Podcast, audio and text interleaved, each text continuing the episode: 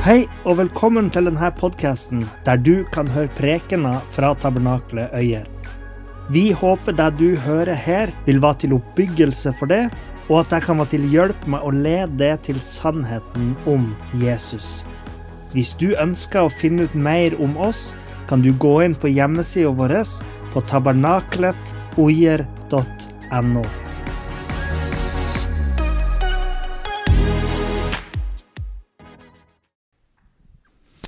De som har fulgt serien vår om de ti bud, har sikkert lagt merke til eh, at vi har en annen inndeling, eller at jeg bruker en annen inndeling av de ti bud enn det du er vant til. Du tenker sikkert ja, men det her er jo ikke det andre bud. Eh, fordi at det, nei, det første bud i norsk tradisjon, kan vi kalle det, er at du ikke skal ha noen avguder. Og deretter får du det andre bud. Du skal ikke misbruke Herren din Guds navn. Eh, men den inndelinga som vi har brukt, den er at eh, det første budet er du skal ikke ha noen avguder, og det andre budet er at du ikke skal lage deg noen gudebilder og tilbe de. Og hvorfor har vi delt inn annerledes?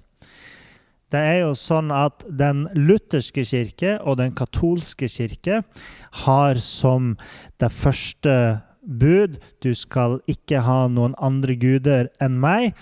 Og som det andre bud du skal ikke misbruke Herren din Guds navn. Og siden i Norge så har vi stått i en først katolsk tradisjon og deretter en luthersk tradisjon så har vi blitt vant med liksom den tenkninga om at det andre budet er at du skal ikke misbruke Herrens navn. Men betyr det at den inndelinga nødvendigvis er den beste? Vel, etter at jeg har satt meg inn i inndelinga av budene, så har jeg tenkt at det her er kanskje ikke den inndelinga som egentlig er riktig. Og jeg har valgt å gå for den samme inndelinga som den gresk-ortodokse kirka bruker, og som den reformerte kirka bruker, og som delvis er den samme inndelinga som jødene bruker. Men ortodokse jøder de har en litt annerledes inndeling fordi at de sier at det første budet i de ti bud er det som står i andre Mosebok kapittel 20 vers 2. Der står det 'Jeg er Herren din Gud, som førte deg ut fra landet Egypt, ut fra slavehuset'. De sier at det her er det første bud. Egentlig så er det jo ikke et bud, siden det ikke er noen imperativer her. Det er ikke noen befalinger her. Gud bare erklærer hvem han er. Uh, og siden ortodokse jøder sier at dette er det første bud, så blir de jo nødt til å slå sammen noen andre bud et, en annen plass i lista over de ti bud. Og det er jo mange befalinger i de ti bud. Faktisk flere enn ti befalinger. Jeg, vet, jeg, husker ikke akkurat nå hvor mange det er, men kanskje la oss si at det er 17 eh, befalinger. Så, så eh, er det fortsatt bare ti bud. Så oppgaven blir jo da å på en måte finne ut hvordan skal de her befalingene deles inn. Så der har eh, gamle tradisjoner vært litt uenig i hvordan man skal gjøre det. Um, når jødene sier at det første budet er er Herren din Gud, som førte deg ut fra landet Egypt, ut fra slavehuset', så er jo det egentlig ikke noe befaling. Og jeg tenker i beste fall så er det eh, kanskje en del av det første bud, men jeg ser mer på det som eh, en, en erklæring av hvem Gud er, hva han har gjort for israelittene, og, og, som en begrunnelse nærmest for hvorfor de bør følge de ti bud. Men la oss si at det er en del av det første budet, da. Eh, så vil jo det første bud være vers 2 og vers 3 i andre Mosebok kapittel 20. Der, da vil det være 'Jeg er Herren i Gud, som førte deg ut fra landet Egypt, ut fra slavehuset.' 'Du skal ikke ha andre guder enn meg.' Hvis man stiller spørsmålet hvem er Gud? Hvem er han som vi skal følge, og, og ingen andre? Da er svaret du skal følge Herren, Jave, som førte deg ut fra landet. Han som førte israelittene ut fra Egypt, ut fra slavehuset. For vår kristne del så vil det være vi følger Jave, vi følger Jesus Kristus. Han som førte oss ut fra syndens slavehus.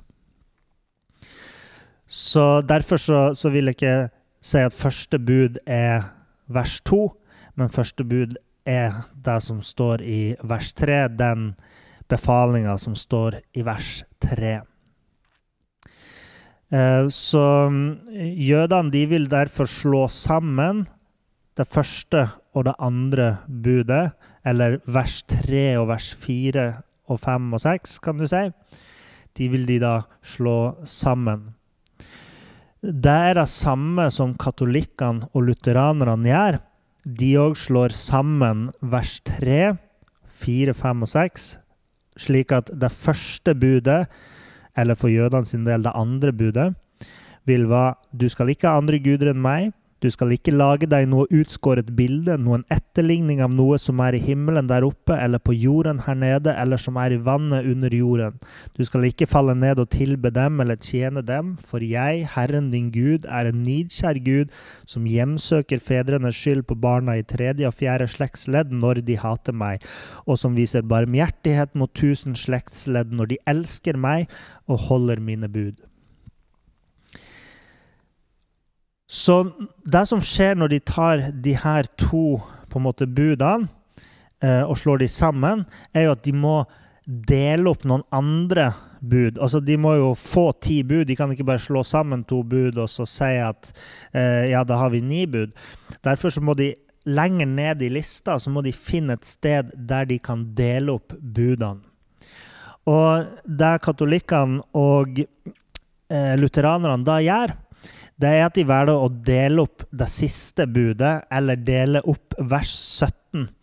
Hvis du ser i um, andre Mosebok kapittel 20 vers 17, der står det Du skal ikke begjære din nestes hus. Du skal ikke begjære din nestes kone, tjener eller tjenestekvinne, okse, esel eller noe som hører din neste til. Men her skjer det noe interessant da, mellom katolikkene og lutheranerne. For de er ikke enig i rekkefølgen på budene. Det vil si, lutheranerne de følger denne lista i 2. Mosebok kapittel 20. Og derfor så sier lutheranerne at det niende budet er du skal ikke begjære din nestes hus. Så det er et eget bud, at du ikke begjærer din nestes hus. Katolikkene på sin side de følger femte Mosebok, kapittel fem. Skal vi se La oss slå opp der.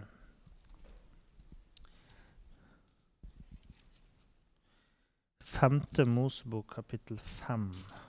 Der finner vi nemlig òg ei liste over de ti bud.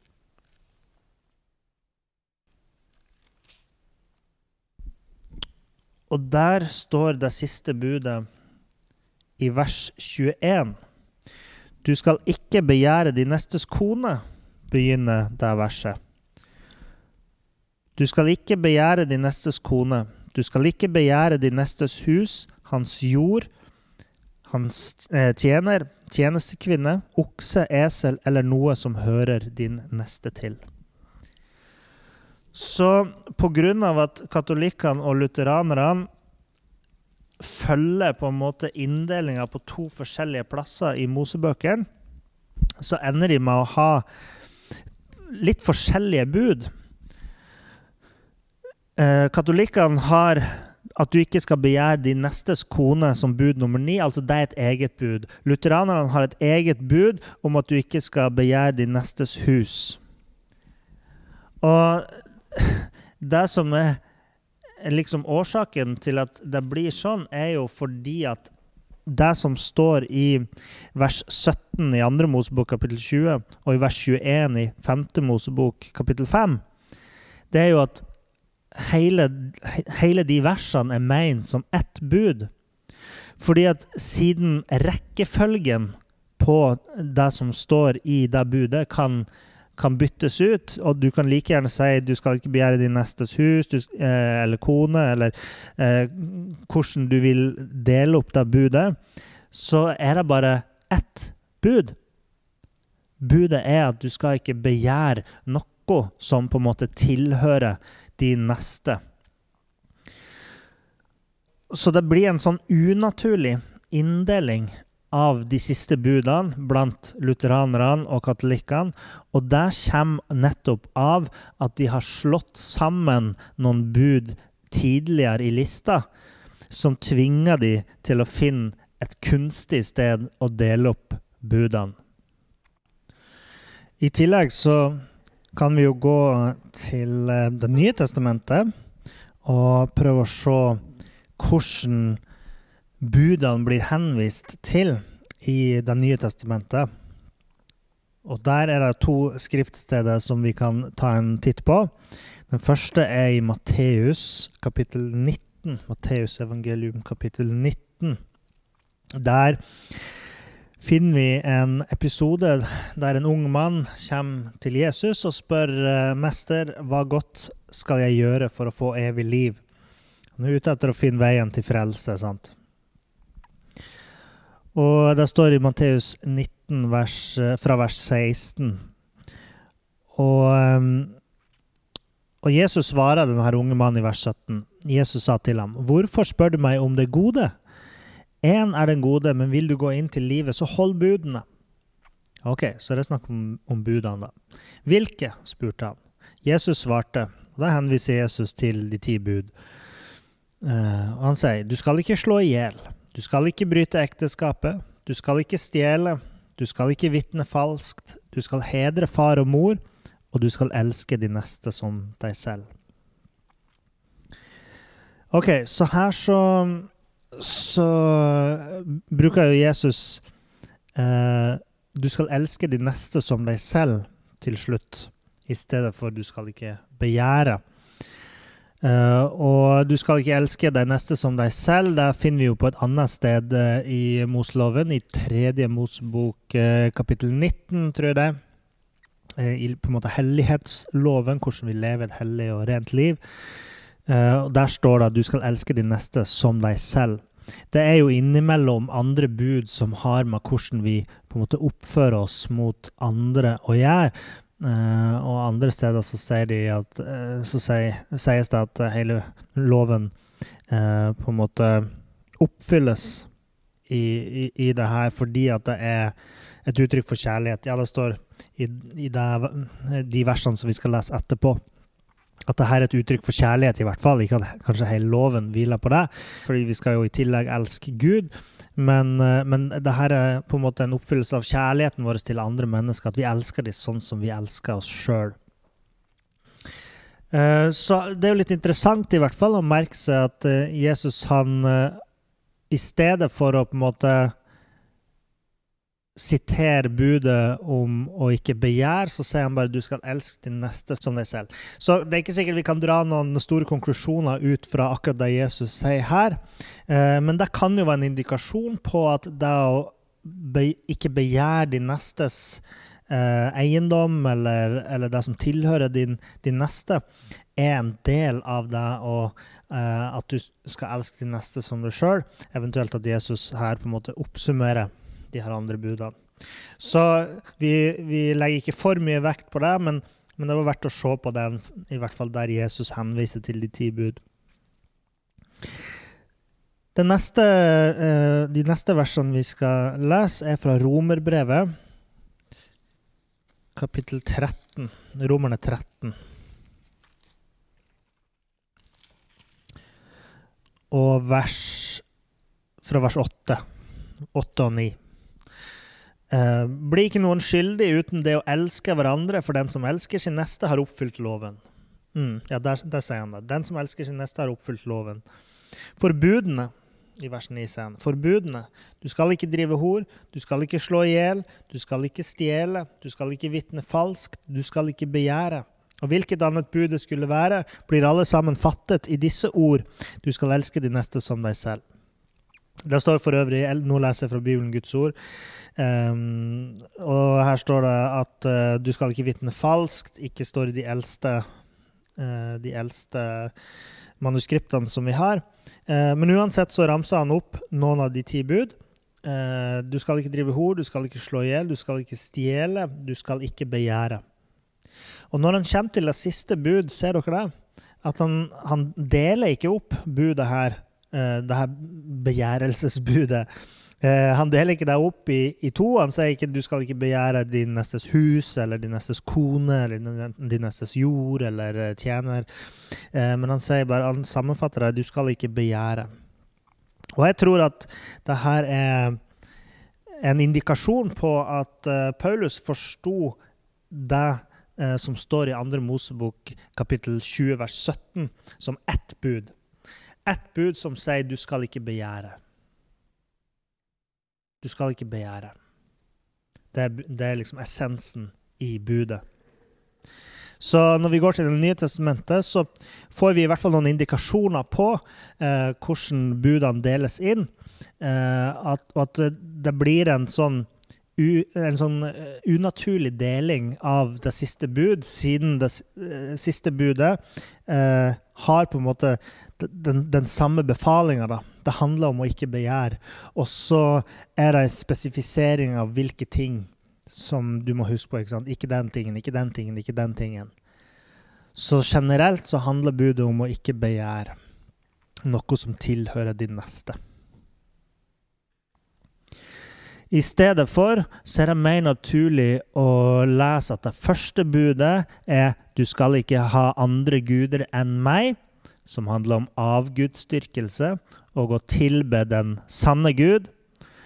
Og tenk at det andre bud er du skal ikke lage deg noe utskåret bilde som handler om rett tilbedelse.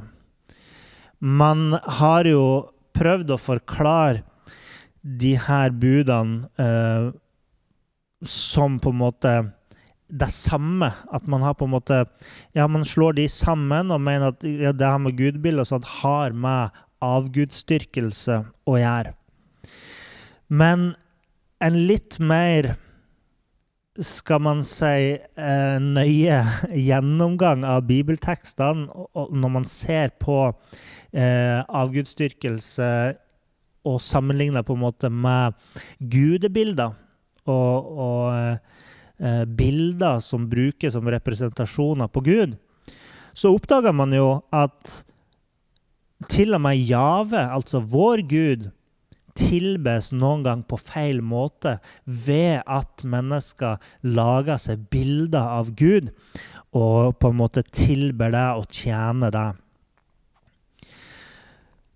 Så det å, å tilbe avguder og å lage seg gudebilder er ikke det samme.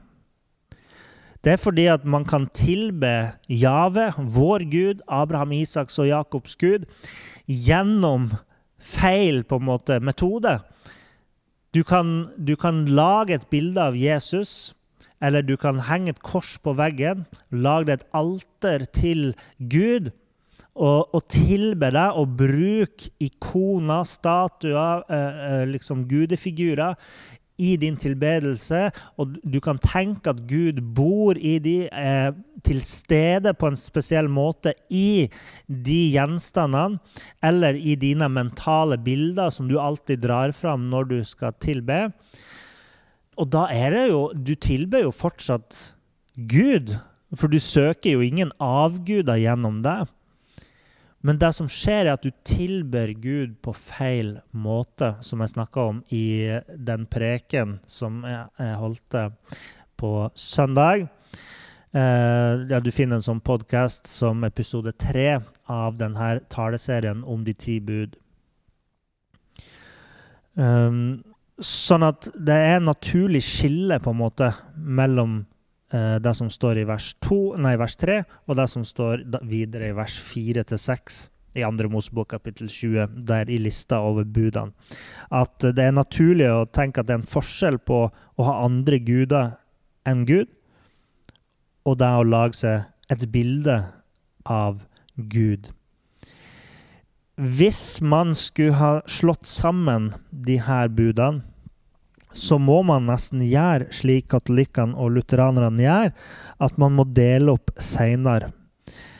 Men det er ikke helt naturlig å tenke at man skal ha ett bud for å begjære din nestes kone, og et annet bud for alle de andre tingene du kan begjære.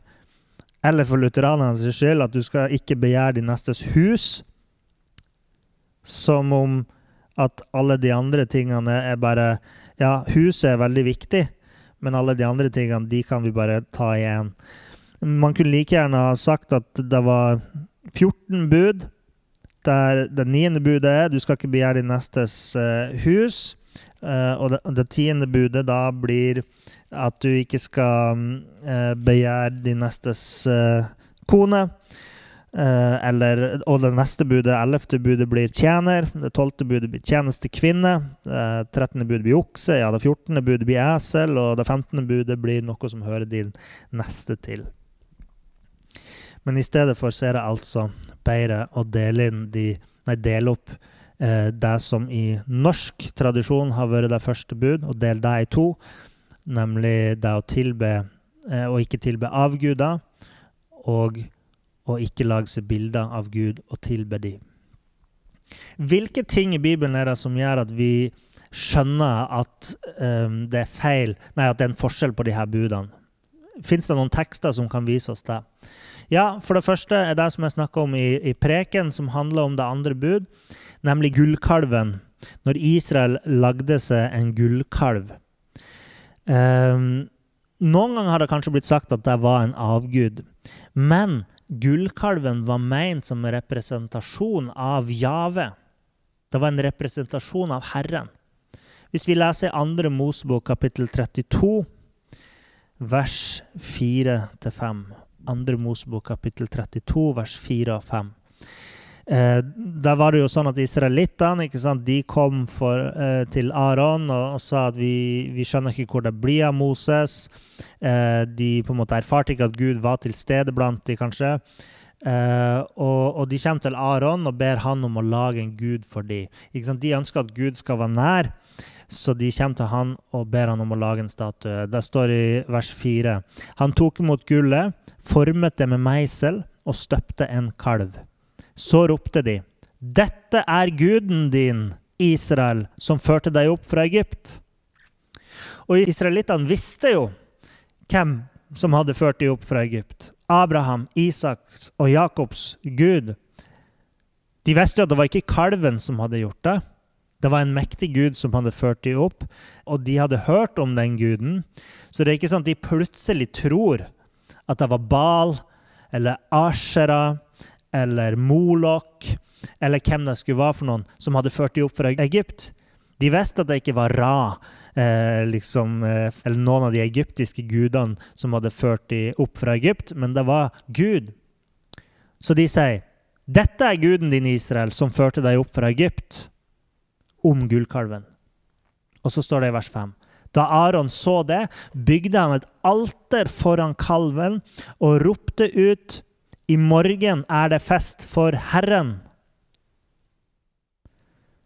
Og På norsk så står det jo bare 'Herren' i vår bibel, men på hebraisk, i den hebraiske teksten så står det her 'Jave'. I morgen er det fest for Jave. Jave er egennavnet til Gud.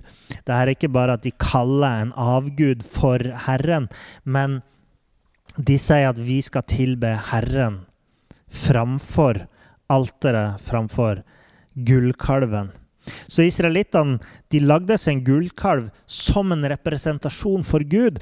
Noe som var helt vanlig på den tida eh, i, i, det området.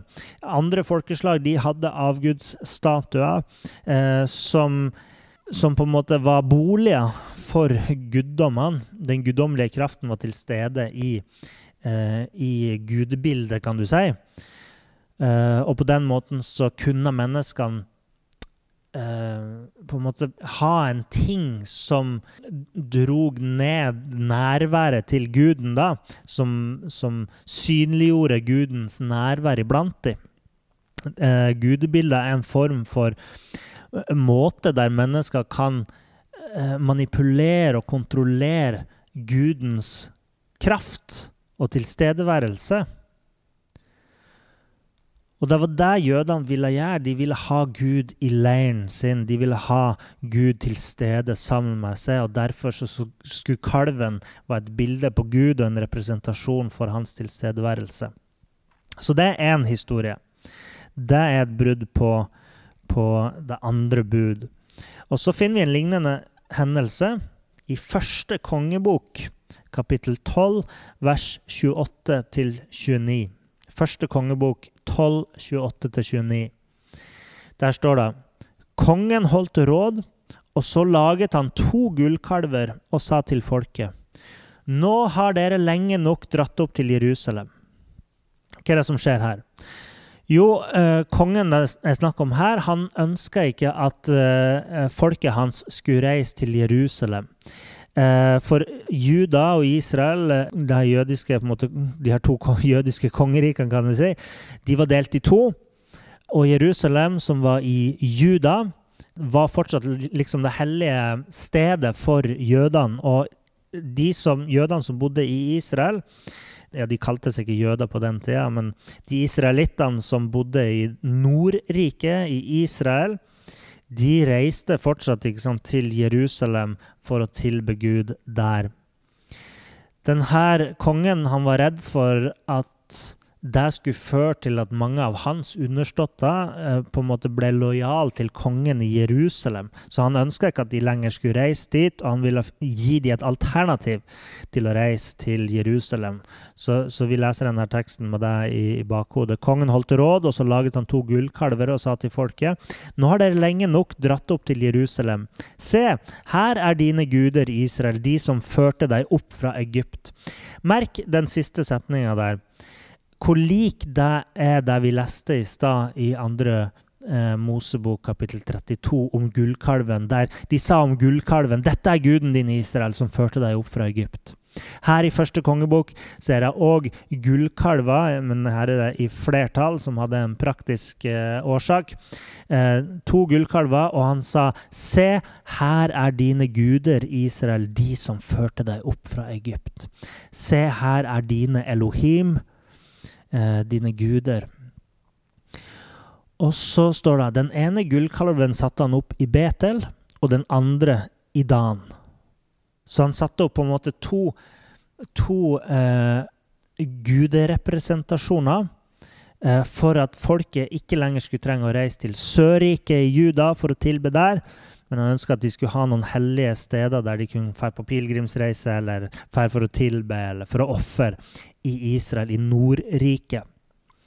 Så det var ikke meninga at de her gullkalvene skulle være noe annet enn Jave. At de skulle representere en annen gud enn Jave. De ville bare at folk ikke skulle dra til Jerusalem. Fordi at når vi ser likheten mellom de her tekstene, det er åpenbart at første kongebok peker tilbake til gullkalven i um, andre Mosebok. Uh, når de bruker nesten akkurat den samme setninga 'Guden din, Israel, som førte deg opp fra Egypt'. Sånn at gullkalvene her òg var meint som representasjoner for Jave. Um, at de skulle fortsatt tilbe Jave, men nå skulle de gjøre det enten i Betel eller i Dan. For slik er det jo med gudebilder, at du kan ha flere gudebilder for akkurat den samme guden. Du kan reise til India, og du kan finne ikke sant, uh, guden Krishna, eller hvem det skulle være for noen, i, i millioner av hjem. sant? Mange, eh, mange hjem har jo mange guder, til og med. Sånn at du kan ha på en måte en statue Du kan lage så mange statuer du bare vil av den samme guden. Så her lagde de to gullkalver for å representere Jave. Og så har vi enda et eksempel i historien om Mika. Og Mika han lagde seg jo en privat helligdom. En, en, slags Ja, litt som Sannsynligvis litt som eh, eh hinduister vil ha et alter til sine guder, eller buddhister vil på en måte ha et slags alter i, i sitt hjem. Mm, så ville han ha på en måte et sånn slags privat alter eller helligdom i huset sitt. Det står i Dommernes bok kapittel 17. Dommernes bok, kapittel 17, vers 2-4. Der står det at mora til Mika sa Da sa moren, Herren Her igjen. Herren er norsk, men på hebraisk står det Yahweh. Herren velsigne deg, min sønn. Da han ga de 1100 shekel sølv tilbake til moren, sa hun, Jeg helliger disse pengene til Herren, Yahweh, og gir dem til min sønn for å få laget et utskåret gudebilde og et støpt bilde. Nå gir jeg dem tilbake til deg. OK, hva gjør mora? Hun får penger fra sønnen sin Mika. Han gir penger tilbake til henne. Du kan lese hele historien hvis du har lyst til det. Og så får hun de her pengene, og så helliger hun de til Jave. De skulle brukes til Jave, vår Gud. Sånn at han skulle lage et gudebilde for Gud. Han ga pengene til moren, som tok 200 shekel og ga dem til en gullsmed. Han laget et utskåret gudebilde og et støpt bilde som siden sto i huset til Mika. Dette var bilder som skulle representere Gud. For de her pengene ble ikke på en måte hellige eller velsigna til noen andre guddommer enn Gud. Det var et gudebilde som skulle representere vår Gud. Og så I tillegg så henta jo Mika inn en levitt senere i samme eh, kapittel, og du kan lese videre ut i kapittel 18. Men han, han hyra inn en levitt, og levitter var jo ment til å tjene som prester for en ganske spesifikk gud, nemlig Yahweh. Eh, Levittene var jo De hadde jo tempeltjeneste, f.eks., og de var prester for Gud. De var ikke generelle prester for alle slags guddommer, men de var prester for Gud. Og, og det var nok en grunn til at Mika henta akkurat en levitt. Eh, vi leser i Dommernes bok kapittel 17 vers 12 og 13, for der står det at Mika gjorde den unge levitten til prest hos seg, og han ble i Mikas hus. Og da Mika sa, Nå vet jeg at Herren, Jave, vil gjøre vel mot meg, siden jeg har fått en levitt til prest. Hvorfor sa ja, uh, Mika det? Jo, fordi at da hadde han jo fått en levitt, en prest, som var på en måte innvia til Herren, en prest som har som sin livsoppgave å tjene én spesifikk gud, nemlig Jave. Så her var nok et eksempel på at kan, eh, vi kan la gudebilder av vår Gud, men det vil fortsatt være en synd å bruke sånne bilder og lage sånne bilder for å uh, bruke de i tilbedelse uh, og gi de for mye ære. Én ting er å ha en barnebibel ikke sant, for, for ungene som ikke kan lese, at de skal få, få greie å forholde seg til historien eh, på en måte. men en annen ting vil være at man som voksen, eller som eh, ja, en sann tilbeder, bruker et symbol eller, eller et bilde til tilbedelse. Du ber til et kors, du ber til et bilde. Eller du gir deg ekstremt høy ære, som om det var eh, Gud.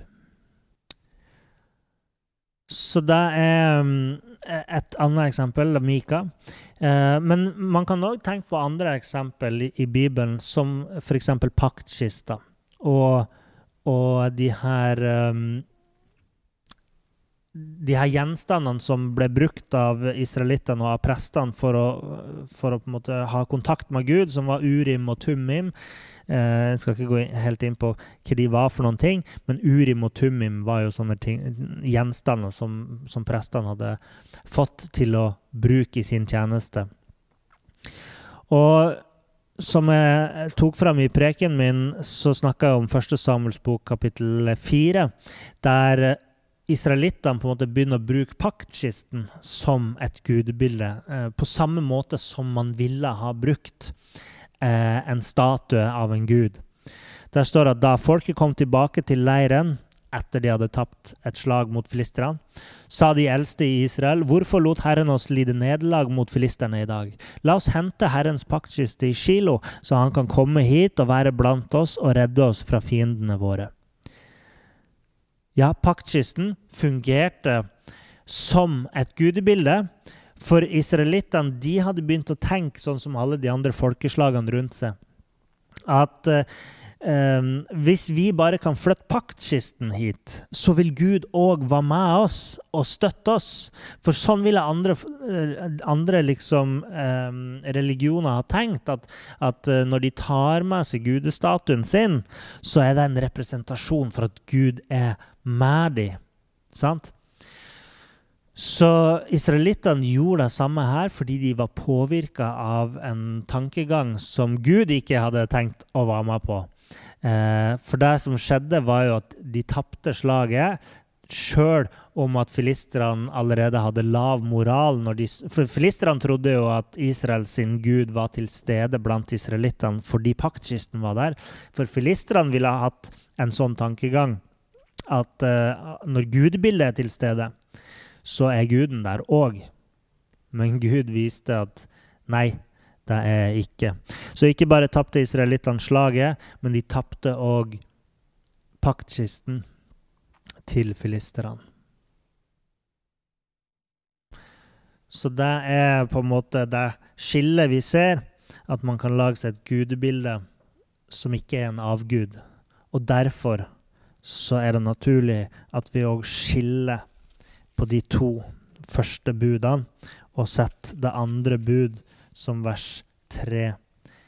Eh, nei, første bud som vers 3, og det andre bud som vers 4 til 6. Eh,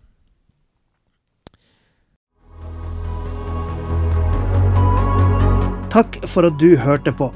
Hvis du tok et steg i tro i dag, eller du har noe du ønsker forbønn for, så vil vi gjerne høre fra det via e-postadressen kontakt alfakrølltabernakletuier.no.